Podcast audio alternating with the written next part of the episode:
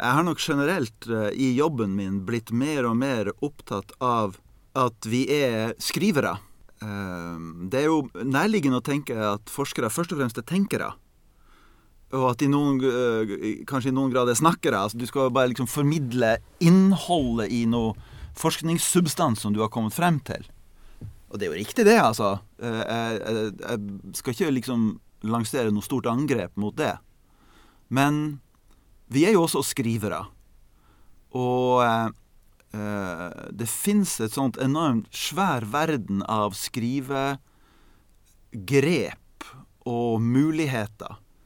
Eh, og jeg har nok vært opptatt av å liksom gå ut i den verdenen og grave rundt og, og, og gjøre det til et program blir vel blir liksom for flott, men gjøre det til et motto da, for formidlingen min. På et tidspunkt så, så, ble jeg mer og mer opptatt av at jeg skulle ta det den veien. da. Det sa Espen Ytterberg. Han er professor ved Institutt for medie og kommunikasjon på Universitetet i Oslo. Og mitt navn er Arne Krumsvik.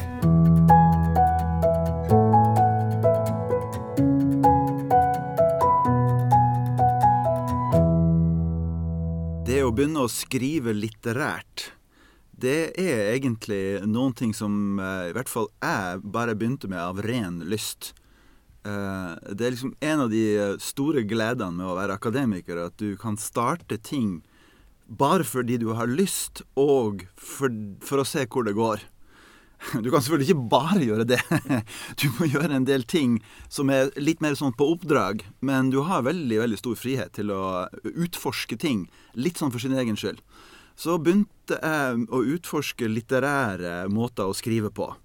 Og eh, utgangspunktet der var jo at det finnes en del sånn sjangere som er mer en typisk del av jobben vår, men der vi kan utforske den type måten å skrive på.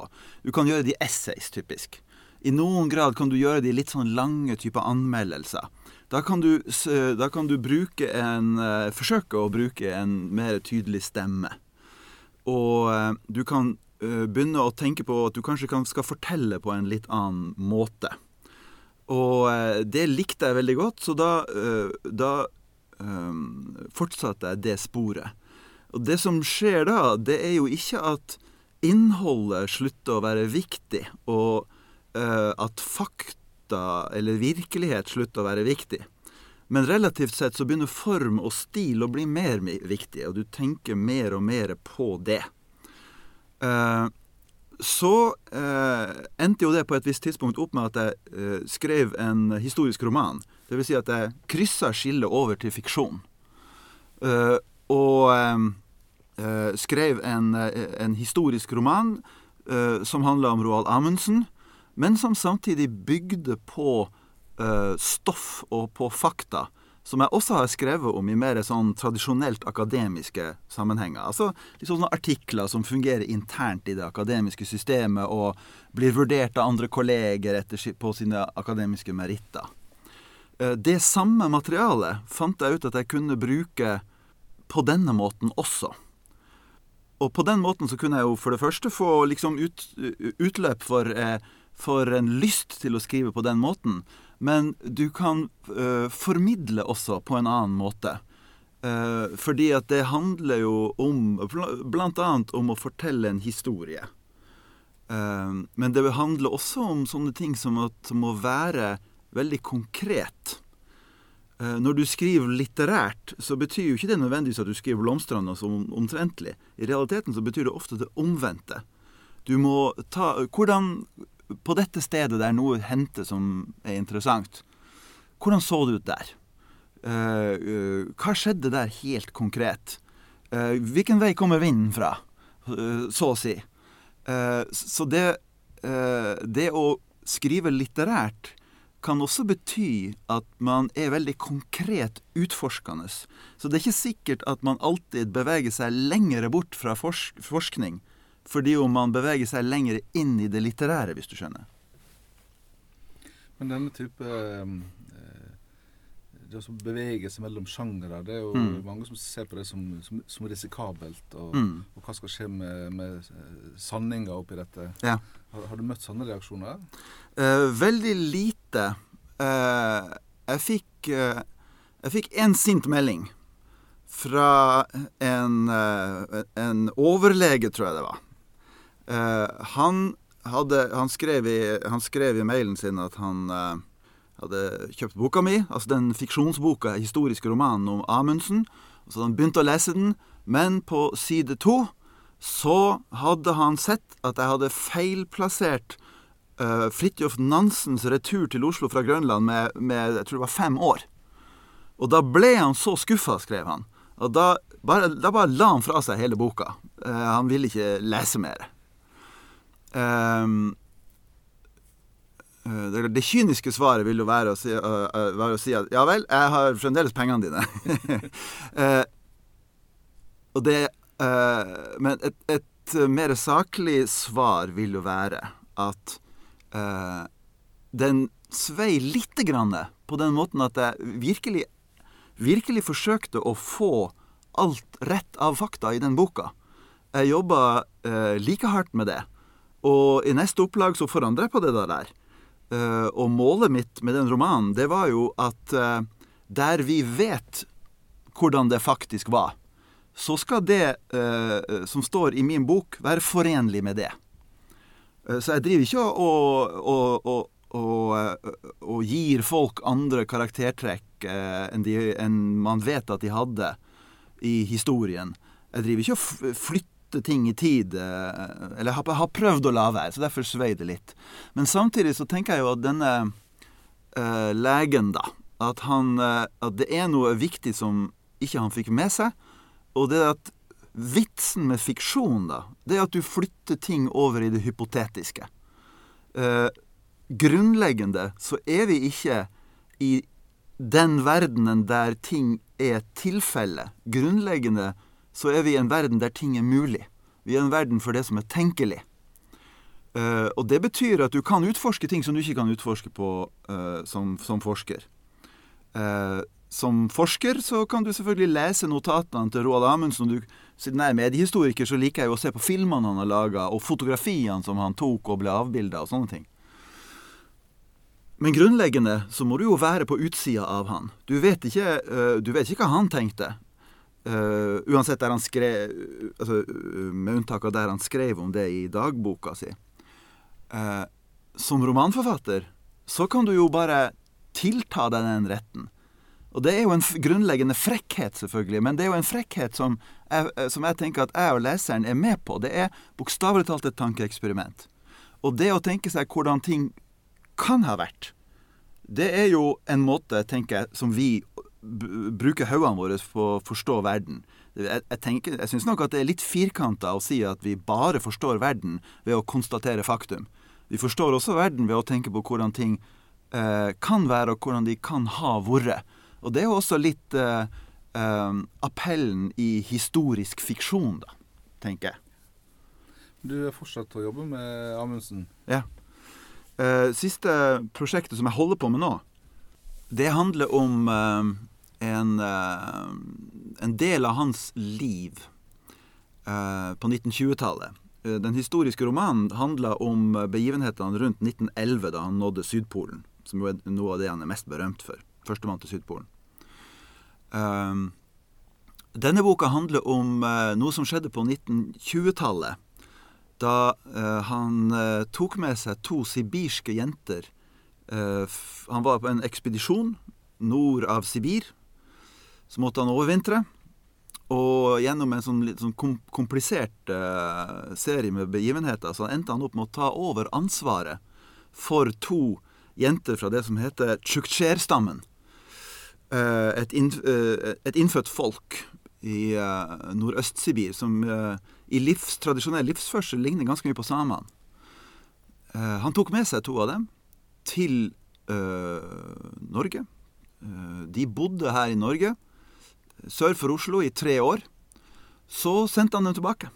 Og denne boka handler om den eh, livene deres. Og uh, for, forholdet eh, Det merkelige, familieaktige forholdet som en, en, stund fantes mellom Roald Amundsen og de to jentene der, da, som var henholdsvis ca. fem og ti år gammel.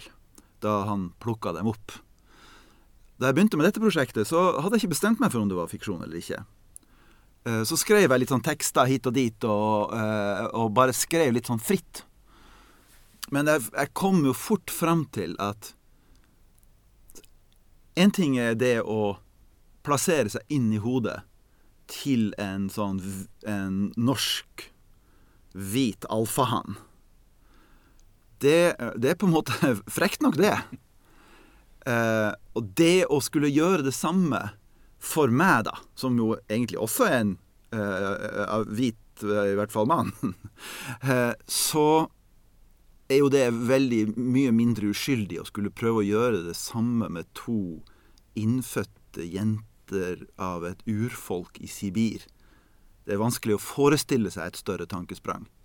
Og selv om jeg kanskje vil tenke at det prinsipielt burde være mulig, så, tenker, så, tenkte jeg at nei. For meg så ville det bli Det ville bli for mye hybris.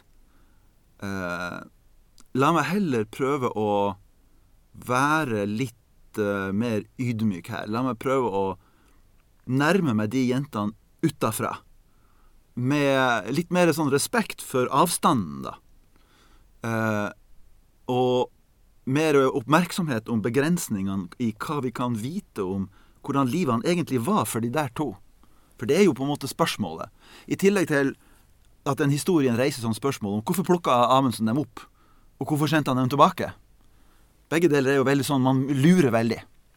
Vi måtte dra hjem tilbake alene. Tvers over kloden, faktisk. Uh, I tillegg til det så lurer man jo på hvordan var det for dem. Og uh, sånne spørsmål som det der tenkte jeg at jeg skulle prøve å nærme meg i et litterært språk. Eh, sånn at jeg kan fortelle historien om dem. Eh, men samtidig utenfra. Eh, og med mer oppmerksomhet omkring begrensningene i hva vi vet og hva vi ikke vet. Og Da tenkte, da tenkte jeg at nei, da, da, da, det, da, må jeg tilbake i ikke-fiksjon. Da må jeg tilbake i sakprosaen. Men jeg, jeg hadde fremdeles lyst til å skrive litterært. Fordi at så mye av det man lurer på med, med disse, disse, jentene, det er sånne ting som har å gjøre med det konkrete livet som de levde, og med spørsmål knytta til eh, opplevelse, som typisk eh, fortellinger og, og, og, det litterære er, er godt egnet til å fange. Hvordan, hvordan, kan det ha vært? Hvordan kan det ha føltes? Hvordan kan det ha blitt opplevd? Sant? Når du jobber som, eh, som forsker, så, så, er jo litt av rollen en har, å prøve å, flytte fagfeltet. sant? Og, ja. og, på en god dag kanskje flytte verden litt grann også. Mm. Opplever du at det, det er andre, eh, andre verktøy for å få til det du nå har fått, når du har fått en større verktøykassa? Ja, det syns jeg nok. Uh, uh, hvor flink jeg ender opp med å bli på å flytte verden, det er det jo i siste instans uh, ikke, antagelig ikke meg som skal si. Men men det er jo på en måte den store gleden med dette. Det er jo å, eh, å eh, oppdage hvor stor verktøykassa er, da, for en skriver. Eh, jeg har nok generelt i jobben min blitt mer og mer opptatt av at vi er skrivere. Det er jo nærliggende å tenke at forskere først og fremst er tenkere og at de noen, eh, kanskje i noen grad er snakkere. Altså, du skal bare liksom formidle innholdet i noe forskningssubstans som du har kommet frem til. Og det er jo riktig, det, altså. Jeg, jeg, jeg skal ikke liksom lansere noe stort angrep mot det. Men vi er jo også skrivere. Og det fins et sånt enormt svær verden av skrivegrep og muligheter Uh, og eh, jeg har nok vært opptatt av å liksom gå ut i den verdenen og grave rundt og, og, og gjøre det til et program blir vel blir liksom for flott, men gjøre det til et motto da, for formidlingen min. På et tidspunkt så, så, ble jeg mer og mer opptatt av at jeg skulle ta det den veien. da. Uh, og tilsvarende så, så driver jeg mindre med å uttale meg i nyhets, og være aktiv i nyhetsmediene og i journalistiske sammenhenger. Det gjorde jeg mye mer før. Jeg tenker jo at Igjen, da. Friheten i denne jobben uh, ligger jo bl.a. i å kunne gjøre sånne valg. Uh, min forpliktelse overfor min uh, arbeidsgiver Ja, det er jo du, egentlig. det tenker jeg. Det er jo å Du skal være en aktiv formidler. Det, det, det ligger i arbeidskontrakten. Den saken er grei, liksom. Um, men så er det på min frihet å, uh, å, å finne fram til noen virkemidler som er hensiktsmessige, og som rimer med den, den, forskningen jeg gjør, og de innsiktene jeg kommer fram til. Uh, og så prøver jeg å benytte meg av det, det albuerommet der, det manøvreringsrommet, uh, ved å se på forskjellige måter å skrive på. Men det, Den akademiske skrivinga er jo veldig, sånn, veldig stram sjanger. Mm. Ja. Uh, og, og, den kan uh, uh, hvis, den, hvis den har anlegg for å skrive på en annen måte, så kan den lure på om, om for mange år med akademisk skriving kan gjøre noe med evnen til å skrive på en annen måte. Ja. I, ja. jeg merka i hvert fall at når jeg begynte å skrive litterært, så Det var du vel kanskje inne på i et tidligere spørsmål, så, så virker det tilbake på måten jeg, jeg tenker om hvordan jeg skriver som akademiker. Blant annet så, så, slår det meg veldig hvor, hvor automatisk akademikere skriver i, i allmennheter. Altså på et ganske høyt generalitetsnivå. Og det er på en måte vår, vår baseline når vi skriver akademisk. Uh, vi ja, Foruten verdenen er det kanskje banalt. Jeg kan forestille meg at jeg sitter folk og sier eh, Selvfølgelig, det er jo, er derfor akademikere er, eh, skriver tungt. Eh, men for oss så har vi jo behov for et, et, eh, et språk som har et, eh, ganske høyt generalitetsnivå. Men jeg, jeg, tenkte jo på en måte før at jeg var, ja, men jeg er jo flink til å komme med eksempler. og sånn. Men etter at jeg skrev litterært, og opplevde hvor mye oppmerksomhet du må ha om det konkrete, om folkene, om stedene, om situasjonene, så, så, så slår det meg hvor generell og hvor allmenn den, den akademiske prosaen er. Nå tenker jeg jo at det er, det er lov. Det, det er jo, finnes jo saklige grunner til dette her. Men, eh, men eh, jeg skrev, skrev jo nok litt sånn på autopilot. Og, eh, og jeg kommer nok til å skrive litt mindre sånn på autopilot også når jeg skriver internakademisk. Selv om jeg ikke er en av dem som mener at det er et sånt helt allment problem at uh, akademikere skriver, all, skriver, liksom, uh, skriver abstrakt, og at de bruker my mye fagtermer og sånn. Men det er jo ikke akkurat uh, språklig eleganse som en oftest tenker på når en leser akademiske tekster. Nei. det er jo et, mer en forventning når man ja. ja. det er det. Og det det, og det det først og fremst betyr, det er at du jobber som en gærning med det språklige og det stilistiske og det formessige når du skriver litterært. Det er veldig, veldig artig å jobbe med, med redaktører i allmennretta forlag som, som, jobber med det litterære. Fordi at de jobber så enormt mye med, med disse ja, nettopp litterære tingene. Og det er egentlig Når det gjelder arbeidsprosess, så er det det samme som i akademia. Om igjen, om igjen, om igjen. Det blir aldri bra nok. Nei, en gang til. Forsøk en gang til. Gruble på hvorfor det ikke er bra nok. Ikke sant? Dette er jo det som, eh, som er gamet vårt, og som kan gjøre at man blir litt gal av og til, faktisk. Eh, eh, det er veldig krevende, og du må ha en sånn steiergreie for å komme i land med det. Akademikere er veldig drilla på, på, på å ha en steierevne på, på innholdet og substansen i det de kommer fram til. Men så går ofte det, det formmessige eller fortellmessige det går litt, litt, mer på autopilot. Man lærer seg en mal, man lærer seg noen skjemaer, og så fyller man i de.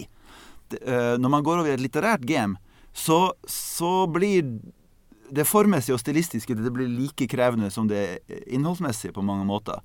Og du skriver om igjen, du skriver om igjen og du skriver om igjen. Jeg, har aldri i mitt liv skrevet så mye om igjen på setningsnivå og formuleringsnivå som som når eh, jeg skriver, har begynt å skrive litterært. Og så opplever du egentlig det samme som når, som når du må gjøre om igjen på, på innholdet, og du får kritikk og øh, det, er, det er, slitsomt, til dels slitsomt som bare juling, men det blir alltid bedre. Og det lønner seg veldig å, å ha det der stayergenet, det der maratongenet, som jeg tenker at det ofte er veldig nyttig for forskere å ha. Jeg tenker på journalister. De er, sånn, de er skrivingens 100-meterløpere. Uh, mens uh, akademikere, i hvert fall de som skriver bøker, de er liksom skrivingens maratonløpere. Det gir ikke egentlig noen mening å si at maratonløpere er verken bedre eller dårligere til å skrive enn en, en journalister. På samme måte som det, det, gir ikke noen mening å si at maratonløpere er dårligere eller bedre til å løpe enn 100-meterløpere. Men det er veldig forskjellige muskler. Sånn.